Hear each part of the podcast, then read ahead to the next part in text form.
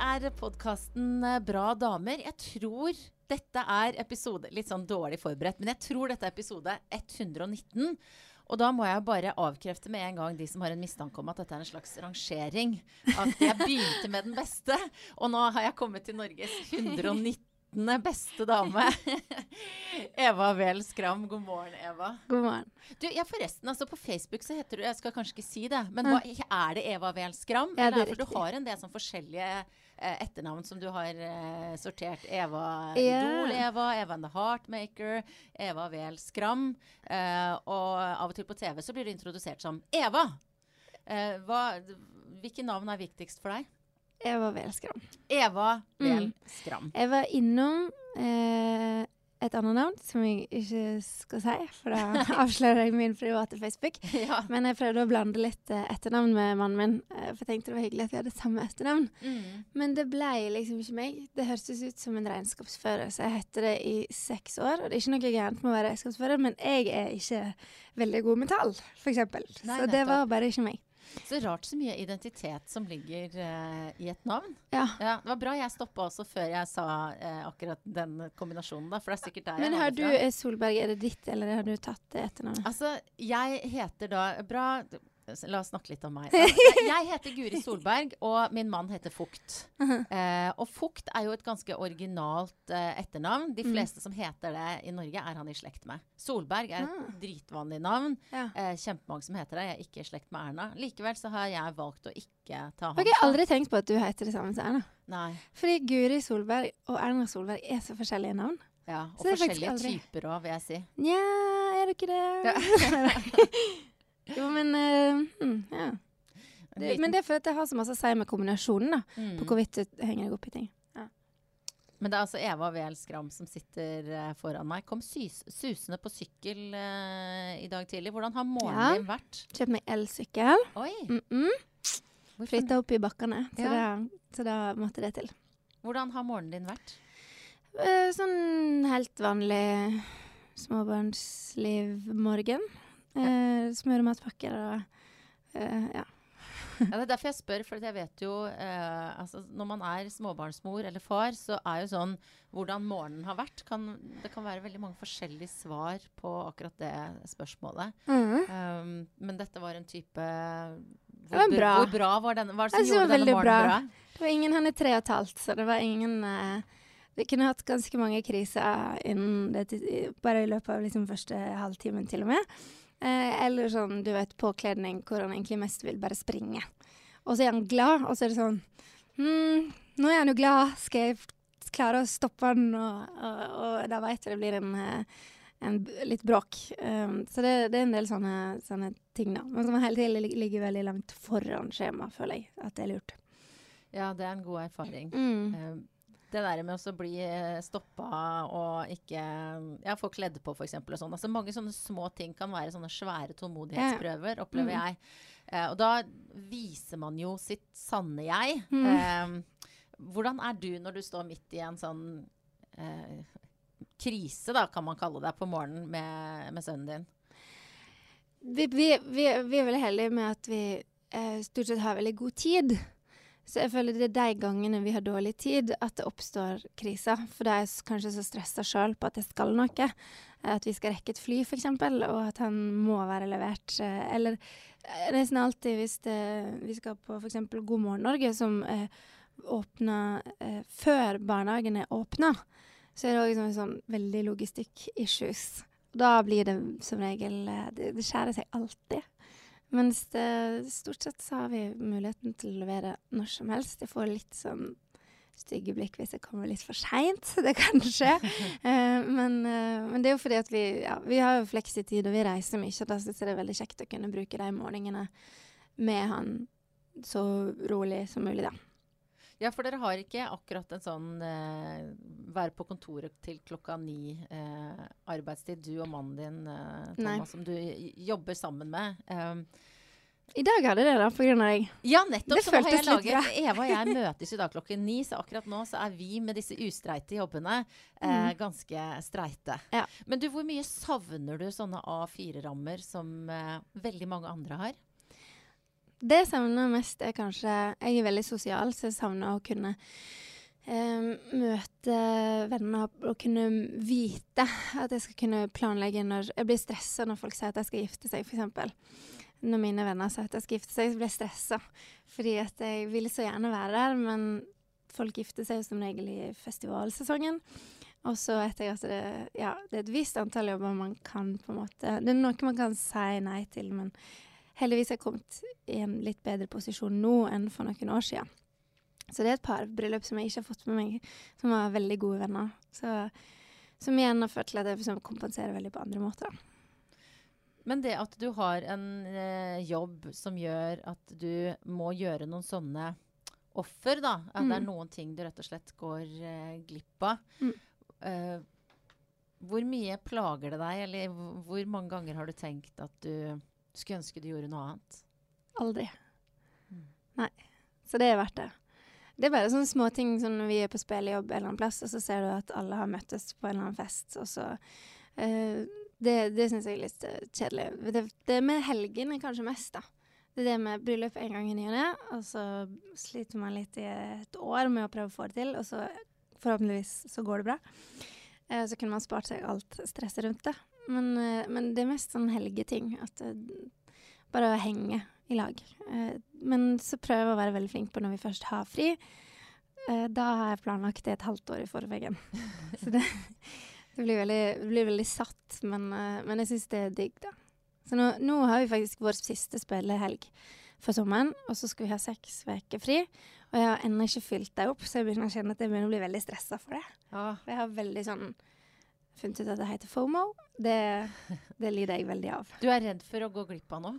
Mm. Er du, hvorfor er du så redd for det? Mm, mm, jeg er ganske sikker på at det henger i hop med barndommen, og at eh, jeg ikke hadde så mange venner sånn fast, og så har jeg veldig bra omgangskrets nå. Men jeg er liksom fortsatt litt redd for å miste det, så jeg gjør alt jeg kan for å holde på det. Vi hadde egentlig en, um, en avtale om å lage podkast for Det må ha vært to år siden, det, Eva. Mhm. um, ikke bare skulle vi prate sammen, men det skulle være en sånn liten sånn eh, live-event, og du skulle spille. Det får vi gjort en annen gang, altså. Så, men, men det som skjedde da, var at du mista stemmen. Du kunne fortsatt synge litt, men det å prate, det var no no. Uh, Mm. fordi at eh, stemmebåndet ditt hadde fått seg en rift eller en knute, eller hva var det egentlig som skjedde?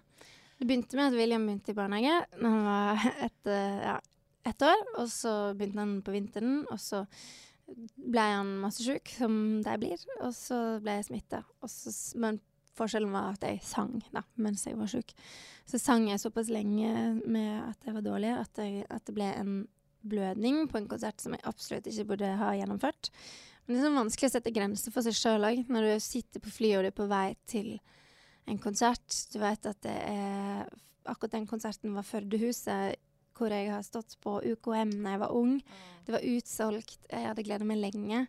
Og så hadde jeg bare ikke stemme. og Jeg hadde sunget hele den veka. Og så gjorde jeg det, og jeg klarte det. Og jeg tror ikke publikum tenkte så masse på det, men jeg fikk en rift på stemmene. Og så fortsatte jeg og hadde konserter i eh, Så det ble en polypp, da. Så det var det som skjedde når vi skulle møtes. Da var det akkurat blitt til en polypp, og det var rett før høstturneen. Vi skulle gjøre første gangen vi skulle gjøre Grieghallen og masse sånne store ting. Um, så da, da valgte jeg å slutte å snakke, sånn at jeg skulle få det til. Men etter ett år uten å ha snakka, så ble det operasjon, for det var, det var uunngåelig. Og, og den setningen der må vi bare stoppe litt ved. Et år uten å snakke. Ja. Altså, eh, du må jo helt åpenbart ha sagt noen ting, da. Ja, det gjorde jeg. Eh, men det var noen uker hvor jeg absolutt ikke sa et eneste ord. Men jeg ble sånn Jeg måtte bli kynisk på pratinga mi. På hvem jeg skulle bruke ordene mine på.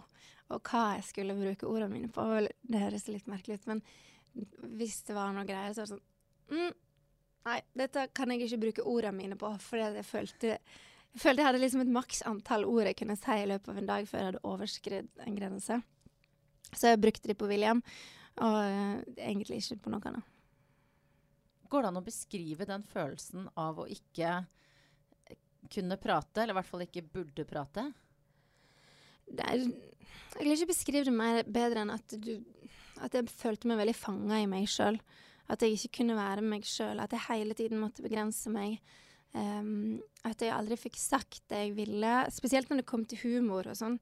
Uh, vi, når vi dro ut den, altså den høsten for to år siden, når jeg skulle møtt deg, da, og så dro vi ut på vår på måte, største turné, og det var Vi gjorde, gjorde um, jeg husker ikke om det, Jo, vi gjorde vel Operaen, og vi gjorde Grieghallen og Stavanger konserthus. Det var utsolgte hus overalt. Første gangen vi spilte på så store hus. Og det er jo for meg som har drømt om dette siden jeg var liten, så var det en sånn milepæl. Men det var umulig å glede seg over det, for i tillegg til eh, at jeg hadde polypen, så var jo han fortsatt i, barnehagen og dro med seg mer bakterier. Så jeg hadde som regel halsbetennelse eller et eller annet i tillegg, da. For at immunforsvaret var, immunforsvaret var så kjørt. Så, så, stort sett så var det Ja, det var, jeg følte meg veldig sånn der eh, The show must go on, og at, at, det ble en sånn fasade, og at livet på Insta var bedre enn i virkeligheten. Og ja, begynte, vi hadde en som var med på Backline, som begynte å jobbe for oss den høsten. Og det var først på avslutningskonserten i desember at jeg sa mitt, snakka med han for første gang i sånn én setning. Så Han har aldri hørt hvordan Eller han har hørt meg snakke på scenen, men ikke til han, da.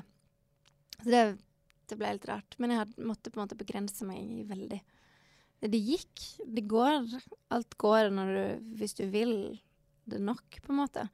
Um, og det gjorde jo sånn at jeg klarte å holde polyppen i sjakk så den ikke ble større. Som, som, gjorde at jeg igjen klarte å synge, da. Men det var ikke noe særlig kjekt. Det var ikke det. Men jeg det, følte ikke jeg kunne stoppe. Du følte du, du, du kunne ikke stoppe helt? Nei, det, det ble liksom sånn Det var jo sånn når vi fikk William òg. Han, han, ble født eh, samme helga som hver gang vi møtes skulle vises på TV. Og så ble det en enorm interesse for at vi skulle komme ut og spille, og det ville jo vi. Så dro vi ut og spilte bare når han var to uker gammel, og så kom, har vi på en måte fortsatt nesten ikke kommet hjem igjen. Fordi hvis du stopper Jeg er så redd for å stoppe når folk Jeg har opplevd før og at uh, Jeg føler karrieren min har vært som en sånn stigespill, da. Så jeg veit hvordan det er når folk ikke kommer også på konsert. Så når du først har det, så kan forsvinne sånn. Så du må jo bygge det opp mens du Ja, ja jeg tror du skjønner hva jeg mener. Jeg skjønner hva du mener. og jeg skulle til å spørre hva er det som, som, driver deg, eller hvordan finner du viljen til å fortsette, til tross da, for at du spiller hele forbaska tida, eller at du har et eller annet på stemmebåndet. Men er det det du sier, at det er rett og slett frykten som driver deg? Litt, ja. ja, men jeg vil Jeg har så lyst å drive med det her resten av livet. Og jeg er så enormt takknemlig for de som lytter nå. Men jeg veit at det finnes så mange andre jeg kan lytte på. Så, så, jeg vil på en måte gjøre alt jeg kan for å for holde, holde, holde på dem. Det er jo en sånn balansegang der. Det er jo sikkert veldig mange som kjenner seg igjen i akkurat den beskrivelsen, uansett hva man jobber med. At man må liksom den derre redselen for at noen andre skal overta plassen din, eller for å bli avslørt, er det noen som beskriver i, i jobbene sine og sånn. Mm. Men, men, det er jo en sånn balansegang, for for mye av den frykten kan jo sikkert være ødeleggende. Da. Det kan på en måte spise deg opp. Hvor redd er du for det? Det er egentlig ikke så redd for. for nå jobber jo sammen med mannen min, da, så vi er to stykker som pusher hverandre veldig. Mm, vi prøver å være flinke på også å ta inn over oss hvor bra det går, og nyte det. Men vi har egentlig alltid vært sånn Jeg husker når vi fikk vår første platekontrakt, så var vi happy i ti minutter, og så gikk vi videre. Så hadde vi satt oss nye mål, på en måte. Så vi er veldig like der. Og jeg tror det, det er også det som har ført oss hit vi er nå, da. At vi har pusha oss og pusha hverandre. Det er jo eh, sikkert eh, utrolig mange utfordringer med å jobbe med mannen sin, men ja, og mange fordeler er jo veldig praktisk, da. Men hva er det, liksom, rent bortsett fra at dere er kjærester og gift og sånn, hva er det som gjør at dere er en bra match sånn eh, jobbmessig? Mm, for det første så er vi veldig like, samtidig som vi er veldig ulike. Jeg føler vi utfyller hverandre veldig godt. Um, Nå må jeg bare ta en liten pause, for jeg får sånn tidlig på morgenen Jeg sliter fortsatt litt grann med Ja, det er viktig nå at du ikke får noe mer uh, gruff på liksom. Ja, det gikk bra. Et møte med Guri Solberg forandret, og så forsvant Mm. Eva. Nei, Mm. bank i bordet. Mm. Ja. Jeg må bare gjøre litt sånn her bom, bom. Jeg pleier ikke å snakke så masse på morgenen, Nei. så det glemte jeg når vi Bom! Så jeg må gjøre litt sånn Er det en sånn bra oppvarmingsøvelse? Mm, Bå. Det er sånn hvis du har slim, Mm. som du har når jeg hører at jeg har sånn skurr på stemma. Ja. Nei, jeg hører egentlig ikke det, men Den høres litt sånn tynn ut. OK. Ja. Jeg hører det. Da um, har jeg slim, og så skal man ikke kremte, Hvorfor ikke det? fordi da slår du stemmebåndene sammen. Oh, ja, OK. Så sier han bam, ba, ba. Ser du når jeg gjør det, så senker strøkbordet seg. Ja. Ba, ja, det ser jeg. ba. Så det er en slags skånsom kremting Ja, som ja. ikke ødelegger? Mm. Mm. Som. Ja. Blir du nervøs av dette her? At det liksom at, uh, at for, at du skal, for at du skal ødelegge noe med all denne skravlinga jeg tvinger deg til? Nei da, Nei. det. Men du, hvordan, okay. fortell igjen dette med Thomas og du. For jeg ser for meg liksom Hva, hva gjør Altså, hvor mye pepper dere hverandre? Hva er, det, altså, hva er det som gjør dere til en bra musikalsk og jobbmessig match, da? Mm. For oss vi har, vi har jo bare gjort, det her alltid. Vi blir alltid spurt om hvordan det er å leve i lag og jobbe i lag, så tett som vi gjør. Men vi vet jo ikke om noe annet. Vi, begynte med det. Jeg møtte han når han spilte gitar på Idol-turneen da jeg var 19. Og så flytta han inn hos meg når turneen var ferdig. Og så ett år etterpå ga vi ut for første skive. Og så har det gått slag i slag derfra. Og det er 14 år siden. Um, vi har veldig lik musikksmak. Vi liker de samme tingene. Det har egentlig nesten aldri skjedd at han har gjort noen produksjon Det er veldig sjeldent, da, som, som jeg ikke har likt. Mm, og hvis han gjør det, så har vi vært veldig dårlige på å kommunisere det i starten av forholdet vårt, men nå er vi blitt veldig gode på det. Hvordan får dere til det? Mm.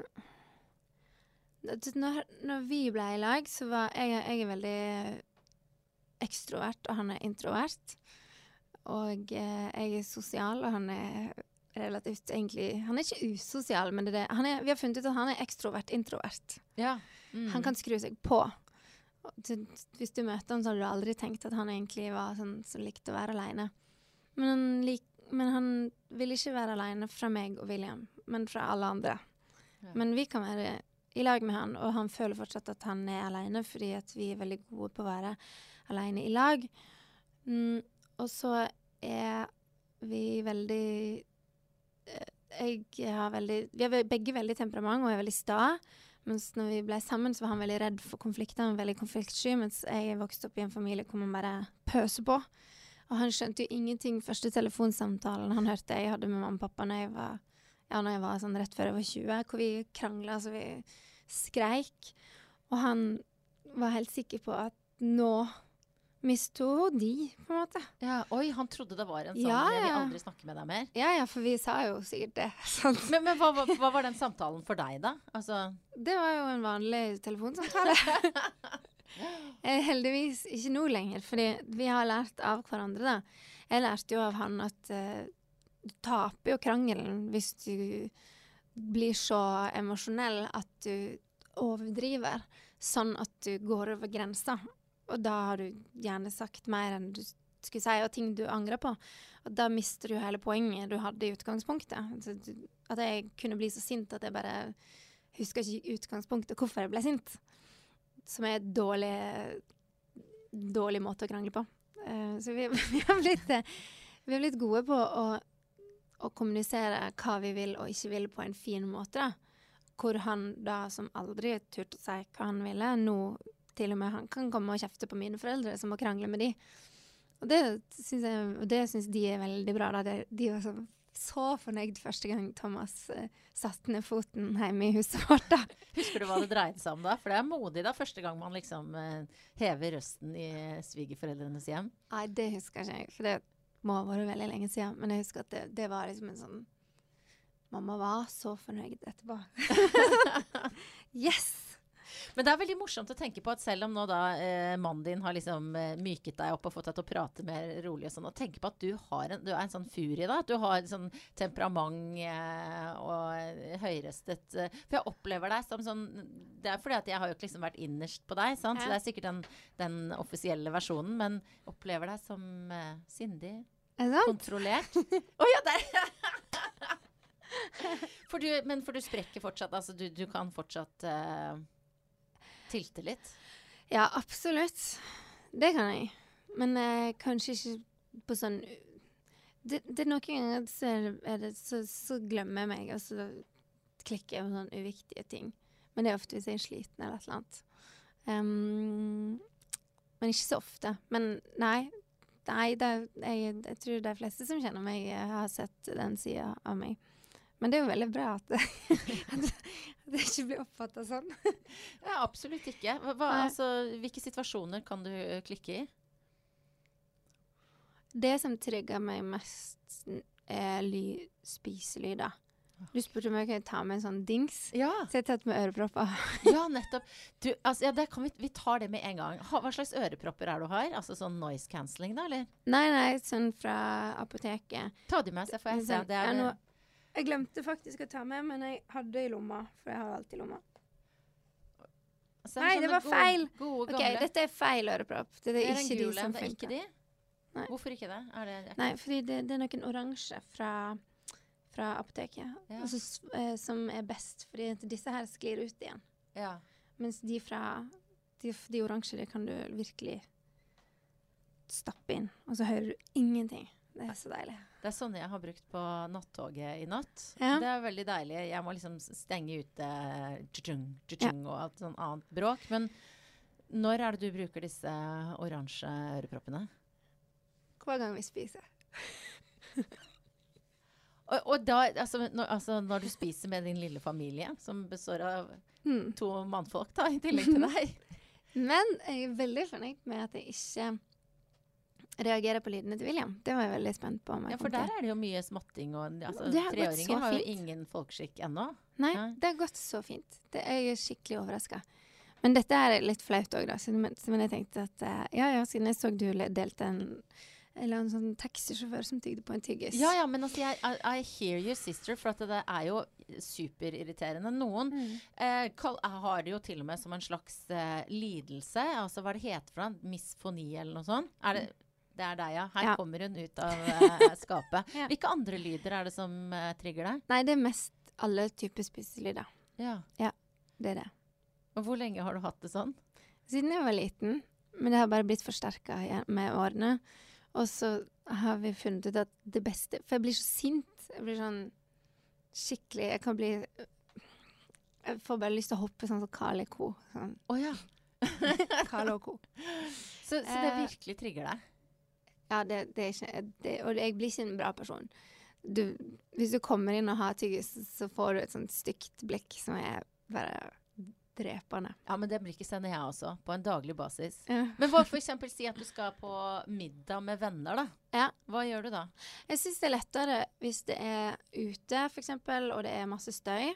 Da er det greit. Men, men hvis vi sitter hjemme, og er det en Jeg klarer ikke Det er som om jeg bare hører den lyden, og så Jeg kan være i andre etasje, og Thomas er nede i første etasje, og jeg hører at han har tyggis. Du, jeg mener ikke å le av det, for jeg skjønner jo at det er liksom Det er reelt for deg, da. Men, det er egentlig Det begynte jo bare med noen spiselyder, og så er det dessverre sånn at de personene jeg kjenner best, de har spise... Det, de har jo ikke med deg å gjøre. De spiser jo sikkert helt vanlig, men jeg veit hvordan de spiser. Sånn at jeg er redd for lyden før den kommer. Sånn at jeg får panikk hvis vi skal spise popkorn og jeg ikke har liksom putta i proppene før første tygg er tatt. Og så prøver jeg noen ganger å fokusere på min egen lyd, for jeg lager jo masse lyd, jeg òg. Så prøver liksom, For du hører jo dem veldig godt inni hodet ditt. Så prøver Nå skal jeg fokusere på min egen lyd, og høre om jeg bare hører den, og ikke høre Thomas sin lyd. Men jeg klarer ikke det. Som om hans lyd bare isolerer seg og bare blir som en sånn derre Sånn brøl Ja. som står over. Så, det, så vi har funnet ut at det beste egentlig bare er å bruke ørepropper. Men det var litt sånn uvant, for det er litt flaut utenfor heimen å dra fram disse øreproppene. Men sånn de som jeg jobber med i band og sånn, det blir så det blir så dårlig stemning, og jeg vil jo ikke at det skal være sånn at folk ikke tør å spise rundt meg. Så derfor har jeg bare alltid ørepropper på meg, og så bare putter jeg de i og sånt. For vi har gulrøtt og sånn på raiden, og det, det, det, er litt problematisk, egentlig. Ja. Mm. Og så hvis folk kommer på besøk, så vet jeg at jeg må spytte ut jus eller hva som helst. Det gjelder hjemme hos meg også, bare så det er sagt. Okay. Uh, så du er på vei dit, da? Ja, eller jeg har nok en litt sånn lettere utgave av det du har, da. Uh, har du egentlig det? Ja. Chips, banan, knekkebrød. Ja, banan er verst, da, for da har du den der smattinga. Mm -hmm. det er sant. Også de som tygger, og så gjør de sånn De som alltid ja. skal klikke lyden. Ja. Det er utrolig hvor mye man kan hvor, altså er, Man skal ikke si at man skal hate et menneske, for det er så sterkt ord, men man kan ja. få ganske sånn sterke, dårlige følelser mot noen man egentlig ikke kjenner pga. en sånn liten lyd. Jeg har opplevd at jeg skulle prøve å høre på lydbøker, men hvis personen som leser inn, er sånn liksom smatt Altså det, jeg tror ja. det handler om at kanskje lyden er altfor komprimert. Ja, og ta deg et glass vann, da, hvis du skal lede Ja, nå må jeg gjøre det. Jeg. Sånn Tenk om en gang. For en ironi det hadde vært når vi satt av ti minutter til å snakke om irriterende lyder, og så mm. hadde vi hatt sånn derre eh, sånn, smattelyd. Sånn. Ja. Åh! Det er det verste. Uff a meg. Nei, men jeg er sikker på ja. veldig mange som hører på også kan, er glad for at du eh, fronter disse problemene, sånn at mm. de ikke føler seg så alene. Sant. Ja. ja. Du, altså, jeg sa jo litt sånn tullete på begynnelsen her at, uh, at, du hadde så mange navn og Idol Eva. Vi har kjent deg så lenge. Men så er det akkurat som det skjedde noe eh, da du begynte å synge på norsk. Så ble for jeg tenkte på denne liksom, før jeg skulle møte deg her nå, at liksom, jeg har jo møtt deg sånn med jevne mellomrom sånn eh, profesjonelt, men mm. jeg føler en sånn Jeg føler at jeg kjenner deg godt, da. Eller jeg føler mm. en sånn derre venninneaktig følelse.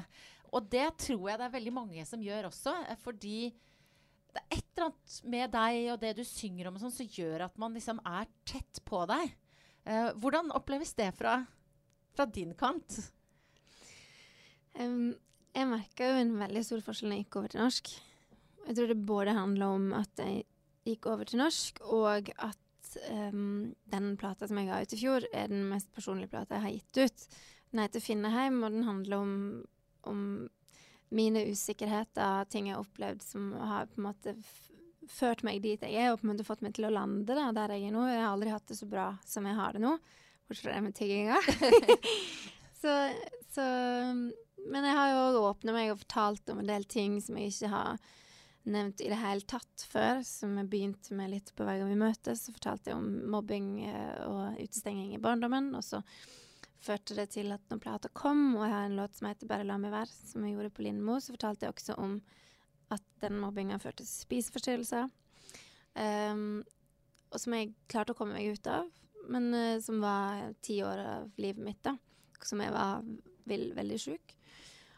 Og jeg tror nok at disse tingene også har gjort at det er veldig mange som relaterer seg til musikken, og som kan også finne trøst og styrke i det som jeg gjør. Og det har jeg jo virkelig merka på konsertene, fordi at det er veldig mange som kommer igjen og igjen og igjen. Så jeg har endte opp med at jeg har en sånn ja, opp mot 20-30 personer som jeg kan navnet på, som jeg skriver med på Insta eller Facebook, og som jeg møter på konsertene ofte. Det, og det er f.eks. to jenter som har vært på nesten 40 konserter på ett og et halvt år. Oi. Og det er masse. Det er virkelig sånn de har vært i Hamar en dag, og så møter de oss i Gol eh, Ål neste dag. De tatt, skal de ta nattoget tilbake før de skal på jobb igjen i barnehagen der de jobber? Eller, altså. det, og det, det, gjør jo inntrykk på meg òg. Så på mange måter, selv om du på en måte sier at hvis jeg har en på en måte effekt på publikum, så har publikum definitivt en effekt på meg også. Som igjen har ført til en sang, faktisk, som kommer nå i september, som heter Kom igjen. Eh, som er en som jeg har skrevet til alle disse her. Til, uh, til Vilde og Kari og Martin og Elisabeth og Hedda og Nina og alle disse her. Til Silje. Som, som, jeg har blitt kjent med historiene til. Og som jeg tror veldig mange av de kommer jo også fordi at de ikke nødvendigvis har det så bra, da. Det er på en måte ikke bare en positiv ting hvis de sier at de liker at favorittsangen deres er 'Bare la meg være', så, så sier det jo litt om deg også.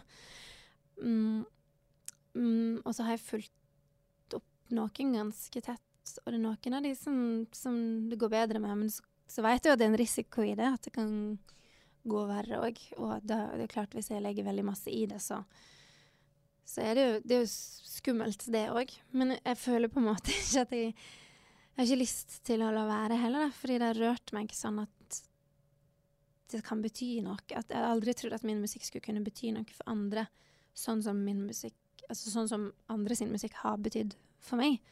For meg er det fortsatt helt sånn fjernt. Um, så derfor har jeg laga denne sangen som heter 'Kom igjen', spesielt til, spesielt til ei da, som, som sliter veldig. Som, som, jeg har så lyst til at hun skal bare være her. Skjønner. Det følger jo et uh det er et privilegium da, å kunne nå folk på den måten. Eller det er en mm. utrolig fin, fin, ting å få til. Mm. Og det, og det er, men det kan jo være et slags um, ansvar som kan tynge. I, I, hvor stor grad opplever du det? Jeg føler egentlig at jeg, jeg veit at jeg burde kanskje skåne meg sjøl og, og være litt mer kynisk når det kommer til det, men jeg klarer ikke det fordi at jeg møter disse her menneskene såpass mange ganger og snakker med dem veldig Brukt masse tid på å snakke med dem.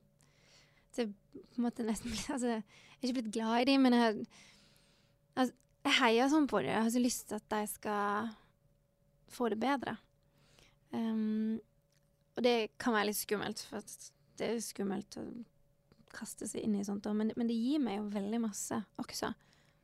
Mest, egentlig. Nettopp fordi at det, det Jeg, jeg veit ikke. Det, det, ja, det er jo klisjé, men det, det, å kunne vite at du at du gjør noe som gjør en dag bedre for noen andre, det er jo en fantastisk følelse. Mm.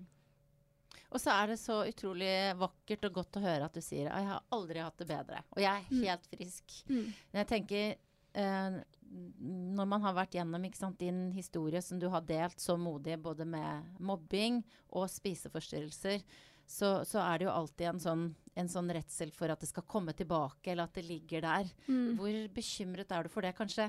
Særlig når du er sånn i kontakt med det gjennom publikummet ditt da, og låtene dine. Mm. At jeg skal bli det igjen? Mm. Eller? Er du bekymret for at det ligger der, eller at det Nei, ikke, ikke spiseforstyrrelser. Det er jeg helt uh, det, det, er jeg helt ferdig med. Men uh, nå er jeg jo bare på sånn vanlig dam, jente-dame Sånn elsk-hat-forhold til meg sjøl, som jeg tror er sånn på normal skala. Fordi mm. jeg tror jeg fortsatt aldri har møtt en person som er 100% fornøyd med seg sjøl 100% av tida.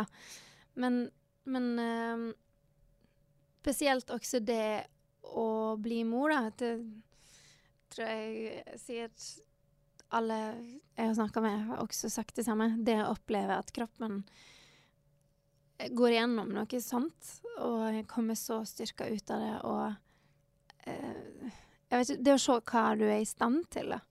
Hva kroppen er i stand til. Det gjorde jo òg at jeg på en måte får en helt annen respekt for kroppen. Det er jo nydelig um, å høre at du, du sier det liksom Nei, det kommer ikke tilbake. Nei. Det er frisk fra. Ja. Uh, går det an å dele hvordan du har klart å, å fri deg fra spiseforstyrrelsen? Når jeg skjønte at jeg var helt frisk fordi først Det begynte med en kommentar i en, i en barnebursdag da jeg var tolv, fra ei jente som skulle velge sånn to lag. Og så ble jeg valgt sist, som alltid. Og så sier hun sånn Ja, jeg får ta den feite grisen der. Og så var det meg. Og så var jeg bare en vanlig tolvåring som er du er en sånn periode før du strekker deg òg, at du er litt sånn smålubben, som er veldig vanlig. Um, så da fant jeg ut at det er det som er gærent med meg. Da må jeg bare slutte å spise, og så ble jeg 13, og så ble jeg veldig, veldig, veldig tynn. Um, og så For da hadde jeg sluttet å spise, og så skulle, hadde jeg mitt eneste mål var at jeg skulle komme inn på musikklinja. Um, men det innebærte at jeg måtte flytte hjemmefra når jeg var da 15, for jeg er født i desember. Og da sa mamma at jeg var hvis, at jeg kunne ikke flytte når jeg var så tynn. Hun er helsesøster. Hun så jo at jeg ikke spiste. og så da fant jeg ut at da var det lettest egentlig bare å begynne å spy. Fordi at jeg prøvde å legge på meg, men jeg fikk så dårlig samvittighet. Så da stakk jeg fingrene i halsen, og så, så begynte det. Så jeg fikk bulimi, som var ganske heftig, som jeg sleit med til jeg var Altså, jeg fortalte det til foreldrene mine da jeg var 17. Og da begynte vi på en måte å, å jobbe med at vi skulle slutte med det. Um, så det, det, er jo mamma som har hjulpet meg å bli kvitt det her. Og så når jeg da ble sammen med Thomas, så gikk det jo ikke an å leve sammen uten at han oppdaga dette. Så jeg fortalte det til han ganske kjapt. Og så var det først når jeg var 22 når vi skulle gifte oss, for da skulle vi egentlig gifte oss året før, men det, eh, det glemte vi litt, som er en annen historie. Vi var på turné. Um, så når vi da skulle gifte oss når vi var 22, da jeg prøvde å slutte med dette her i fem år. Men du skal, du skal virkelig ville det, da, for det, det, er en avhengighet. Jeg var avhengig av å gjøre det òg.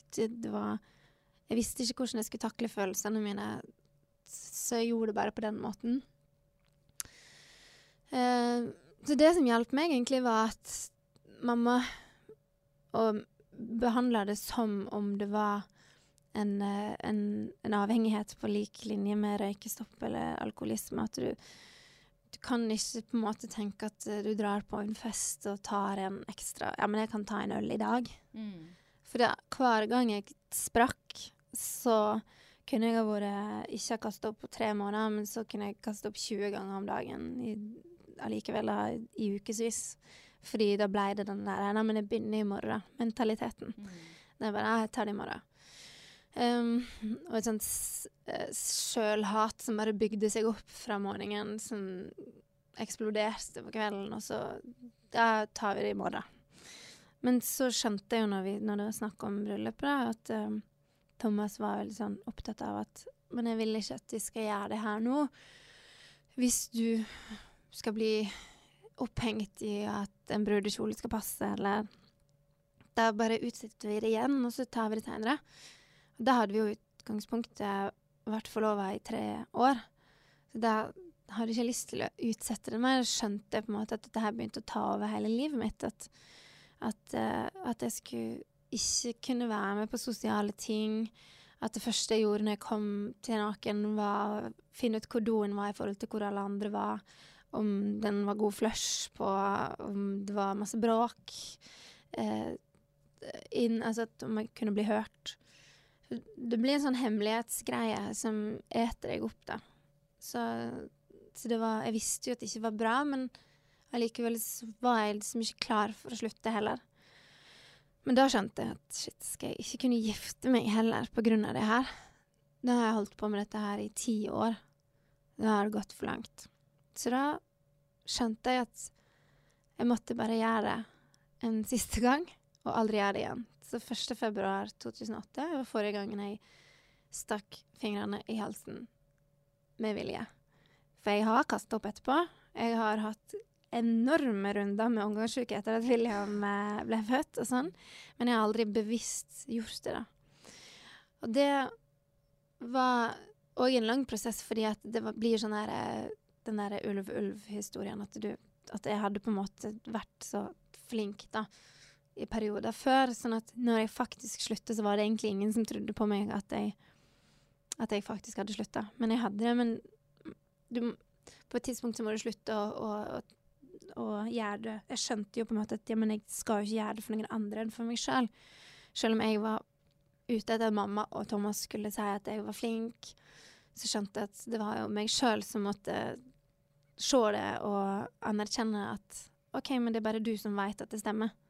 Så, så du, du må, det må bare være bra nok, da. Og så når det gikk noen år, så begynte de å tro på at det var riktig. Men det var veldig sånn Når jeg først hadde slutta, og så var veldig sånn perioder hvor jeg på en måte Ja, jeg tror det er derfor jeg fortsatt òg Når jeg går på do, så er alltid døra åpen. det har blitt en sånn dårlig uvane. For å vise Her er det ingen som kaster opp! Her er ingenting å skjule. Men, men det var først når jeg var eh, gravid når jeg ble gravid, eh, ti år seinere, da, som eh, vi fant ut at jeg var gravid fordi at jeg var så dårlig. Og vi var masse på fest. Eh, vi har vært kanskje veldig masse på fest eh, opp igjennom. Og det var vi også i den perioden. Og jeg prøvde ikke å bli gravid eller noe. Men, eh, men, men jeg var fyllesyk fire dager etterpå, så skjønte jeg at det var, det var ikke bare fordi at jeg var 29. Det var, måtte være noe mer. Og da tok jeg en test, og så var jeg gravid. Og da husker jeg at jeg ringte til mamma og spurte hvor lenge, for jeg visste at hun var dårlig når hun eh, gikk med meg. Og hun Ja, jeg spydde helt fram til fødselen, jeg. Eh, og jeg OK. Og det var liksom det jeg hadde frykta hele tida. Det var fra den dagen jeg slutta å kaste opp, så visste jeg at mamma var så kvalm i sine svangerskap. Så jeg var veldig redd for at jeg skulle bli gravid. Eh, ukomfortabel med kroppen min, som, som la på seg. Eh, at jeg skulle bli kvalm, som førte til at jeg kastet opp. Og at jeg skulle bruke det som en sånn unnskyldning til at da kan jeg bare spise litt ekstra, og så kan jeg kaste det opp fordi jeg er gravid, liksom. Men det skjedde ikke. Fordi når jeg ble, og jeg ble skikkelig dårlig. Jeg kasta opp hver dag de første 20 ukene av svangerskapet. Åh, stakkars deg. Det var helt ekstremt. Men jeg hadde jo ikke noe Vi hadde ikke, så masse, vi hadde ikke noe særlig spillejobber, da, så jeg, jeg lå bare hjemme, egentlig. Og skjønte at uh, Fant teknikker, da. Så det var Det ble en veldig, veldig lang historie her. Men uh, det var Ja, men det jeg tok historie. med meg Ja. jeg tok med meg en pakke fordi like etter at jeg, altså etter at jeg slutta å Når jeg var 22, jeg slutta å kaste opp, så ble det veldig viktig for meg med rutiner. Um, jeg hadde ikke noe forhold til hva en porsjon mat var, så, så jeg lagde meg på en måte Mamma hjalp meg å lage et oppsett med hva jeg skulle spise, når. Uh, og trening ble veldig viktig. Men jeg ble jo liksom erstatta det på en måte litt med noe annet, så jeg erstatta det med trening. Så det gikk fra Det gikk jo til at jeg trente sju dager i veka og ble sånn ekstrem på det da, i veldig mange år. Helt fram til jeg var gravid, egentlig. Men da klarte jeg jo ikke å trene, og jeg bare kasta opp. Og det var, det var sånn veldig merkelig, fordi at hver gang jeg kasta opp, så tenkte jeg dette har jeg gjort frivillig. Dette har jeg, dette har jeg gjort mot meg sjøl. Det, det, det var så ubehagelig. Jeg grein nesten hver gang jeg kasta opp. Og det tror jeg ikke var bare Det tror ikke jeg bare var fordi at det var ubehagelig, men det var også en sånn Jeg vet ikke, en sånn sorg eller sånn Noe som jeg ikke skjønte før da, da. Hvor ille, hvor sjuk jeg faktisk hadde vært. At jeg ikke skjønte det før da. Og så dro jeg på trening eh, ut, når jeg var sånn fire måneder eller noe sånt, på vei. Med en pakke Ritz-kjeks i hånda. Sånn i tilfelle kvalmen skulle komme. Ja, og det var da jeg skjønte at selv om dette var eh, to, tre, fire, fem, seks, sju år etter at jeg hadde slutta å kaste opp, det, så var først da at jeg skjønte at nå er du helt frisk. Når du drar på trening, ikke fordi at du skal prøve å forbedre kroppen på et vis, du bare skal liksom Du har vondt i ryggen, liksom, fordi du har ligget så masse, fordi du har spydd så masse, fordi du er gravid. Så du drar på trening for å, at kroppen skal få det bedre. Og du har med deg Ritz-kjeks i tilfelle du blir kvalm. Eh, som, som jeg på en måte føler var hele Det satte et punktum for hele greiene. Ja. Og når William kom, så Jeg vet ikke. Alt som jeg hadde vært så redd for. Jeg var sånn redd for at jeg skulle bli At jeg skulle gå opp masse i vekt eh, etterpå. Jeg la jo på meg en 15-16 kilo i svangerskapet. Og alt gikk av igjen veldig fort, og av seg sjøl. Og jeg har på en måte nesten fortsatt ikke kommet i gang med trening tre og et halvt år etterpå. Men jeg har ikke stressa med det heller, fordi at jeg syns det har vært så deilig å ikke ha noe sånn nå, nå har jeg begynt igjen, fordi nå kjenner jeg at det begynner å få vondt her og der. Så det er av helt andre grunner. Men, men det har vært en sånn veldig frigjørende prosess, egentlig. Ja, for det er jo utrolig mye energi der Mm. som du har brukt på andre ting. Eh, som nå er eh, frigjort, da. Det Ja. må være en nest, det er nesten sånn berusende følelse. Mm. Du, um, nå har vi snakka mye om uh, dine to menn, eh, William og Thomas. Hva slags, uh, hva slags mamma er du, utover det at du av og til leverer litt for seint i barnehagen? Um,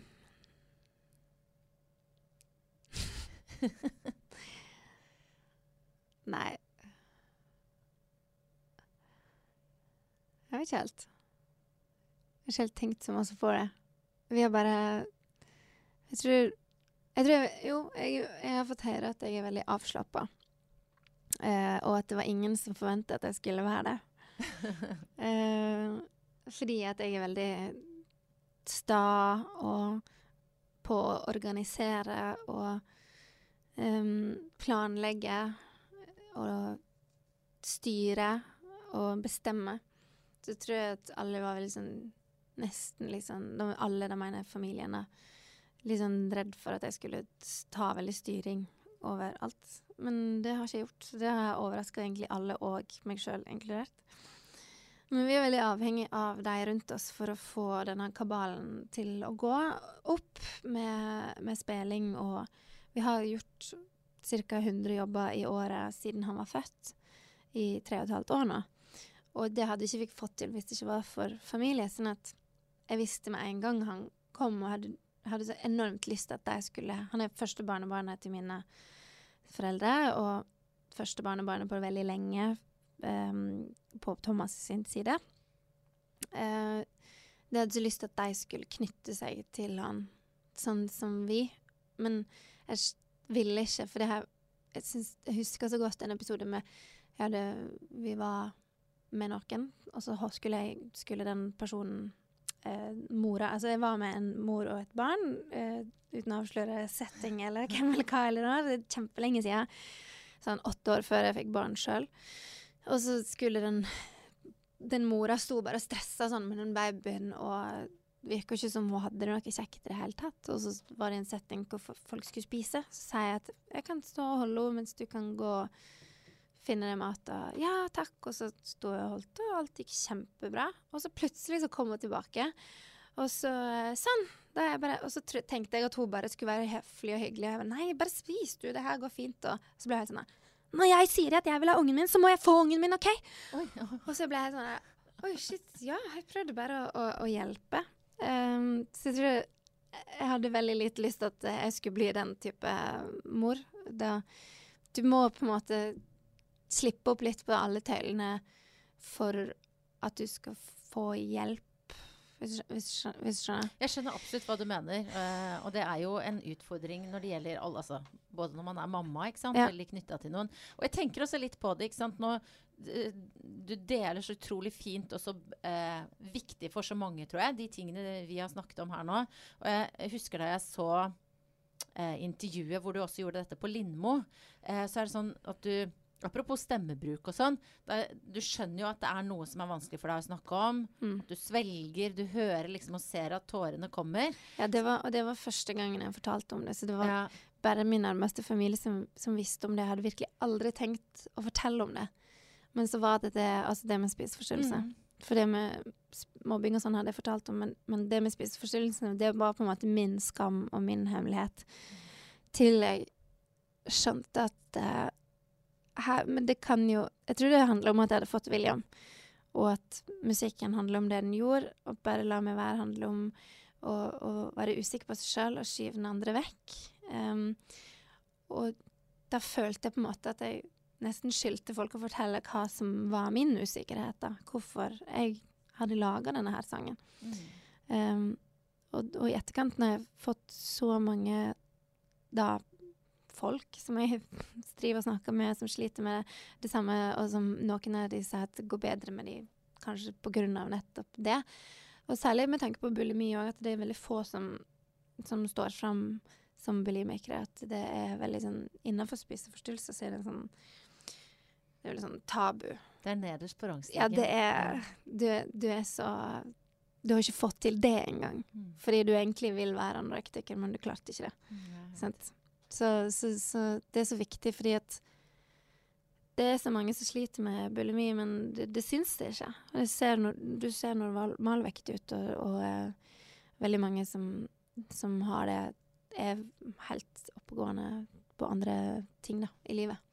Og derfor er det så viktig at uh, Eller så fint at du har turt å dele det. Og det, jeg tenker liksom at det handler om litt Ikke for å lage sånne store metaforer, men litt det der med å gi slipp på babyen sin. Da. Det er, ja. handler om å åpne opp og si slipp på noe som er jo eh, det er en grunn til at du skal hvis stemma, liksom. Det er jo jævlig skummelt, for å si det Mm. rett ut. Men eh, ja, nå sa du for så vidt litt om det, hvorfor, hvorfor du ønsket å dele din historie. Mm. Men på en måte hvordan forbereder man seg på det? Altså, var det liksom Var det du og Thomas som sa OK, ja, nå får Eller Nei. hvordan bestemte du deg for det? Nei, det var egentlig bare at uh, han som gjorde research for Når du skal på et stort TV på et talkshow, da, så har de folk som kommer og snakker med deg, som gjør research for å Ja. finne ut hva intervjuet skal handle om.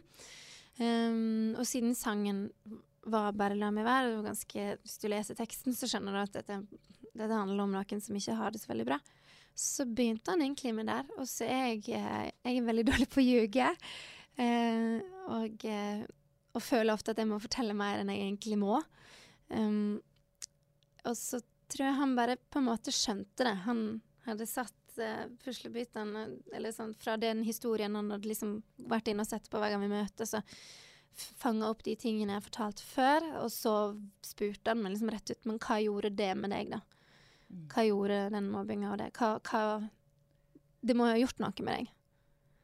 Og da klarte jeg Så bare plumpa jeg ut med det. Og da satt jeg der med ei som jeg har jobba med lenge, som jobber med promo for oss, da. Som ikke visste det, og det var så mange som ikke visste det.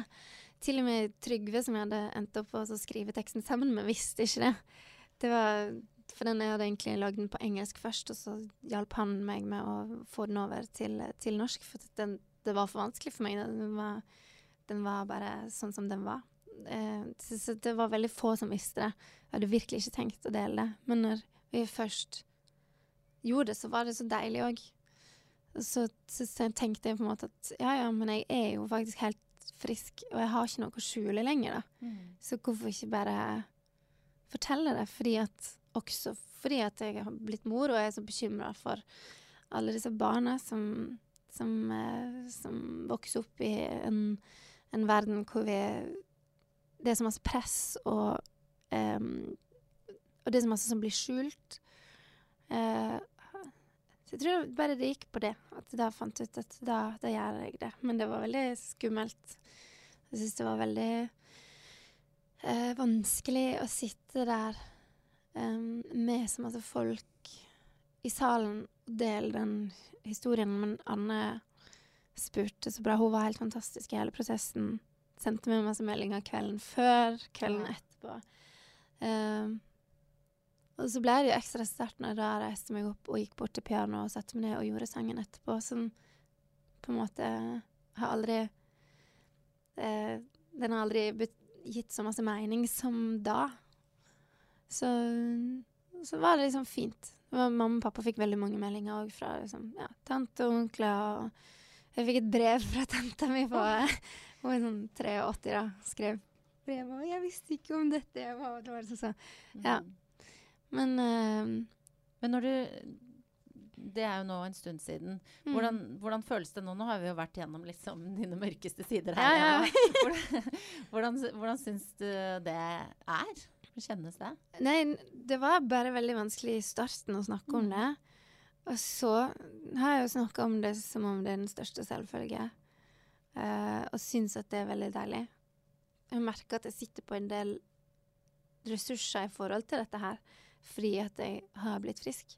At den måten som Og jeg ble ikke frisk gjennom noe system. Jeg var ikke innom helsevesenet, eller Altså, jeg var ikke innen Skal si Jeg var, gikk ikke og fikk behandling noen plass, men jeg var veldig heldig som hadde mamma, da.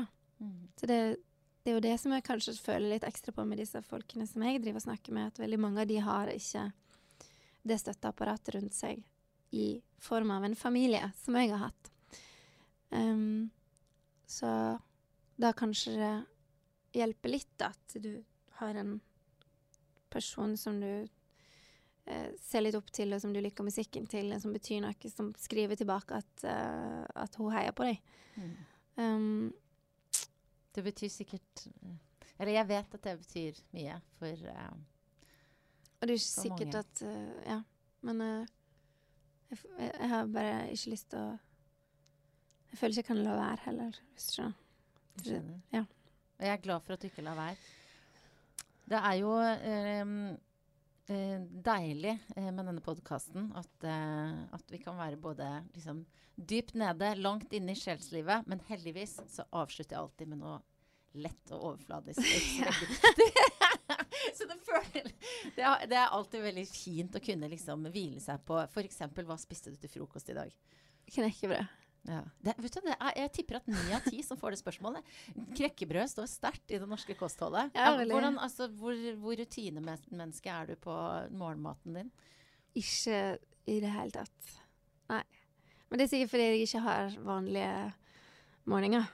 Nei, for det kan være hotellfrokost Ja. i eh, Hemsedal eller uh, i Tønsberg hvor du har spilt, eller sånt. Ja. Men jeg føler at jeg nesten mer går for knekkebrød på hotell rundt omkring enn hjemme. Oh, ja. Men jeg prøver å variere litt, da. Med Jeg har til og med prøvd å lage litt smoothie balls i det siste. Men da skal man ha god tid. Det er som du ser sånn influensere og vloggere og sånn legge ut frokosten sin. Sånn. ja, ja. Mm, deilig smoothie balls og sånn. Ja, så, det, så tenkte jeg skulle prøve å lage det en dag, da. Det tok jo sånn meg tre kvarter.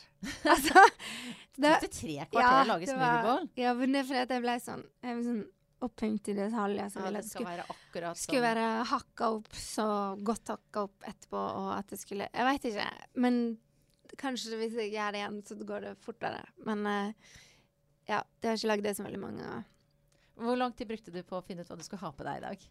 Det bare hang, tok på meg det jeg hadde på meg i går. Veldig fin hvit genser, som er Takk. Beundringsverdig hvit med tanke på at Ja. du har eh, noen veldig små i husstanden. Det tror jeg fordi at jeg ofte kler av meg med en gang jeg kommer hjem. Oh, ja.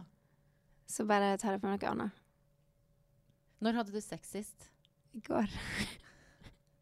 Det er riktig når Det du var sier ikke det at det jeg forberedt på det spørsmålet. Var det ikke det? Nei. Nei, du satt liksom så klar. Nei, men det er jo nok et bevis på at uh, det du sa tidligere i samtalen, at du Det var Du har det så bra. Så det er litt sånn flaut fordi alle vet jo hvem jeg har sex med. Så vi kan se det for oss. Hvis alle kan se for seg Nei. han med gitaren, vet du, det lange håret, han kjekke. Og Eva, da. Jeg skal slutte med et annet spørsmål, så vi ikke har bare akkurat det bildet. Ja. Eh, selv om altså, man kan gjerne dvele ved det. Men en bra dame, hvordan er hun for deg? Det er noen som tar vare på deg rundt seg. Som ser deg rundt seg.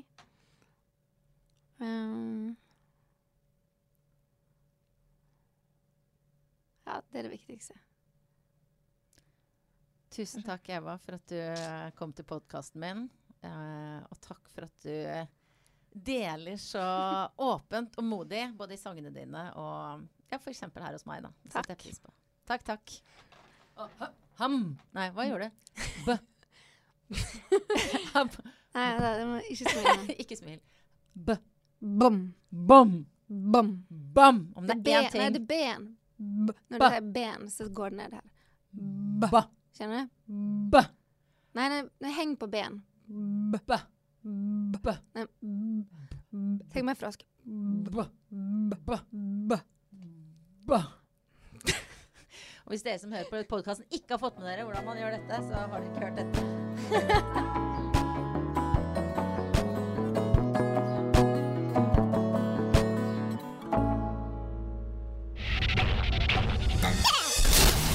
Monster.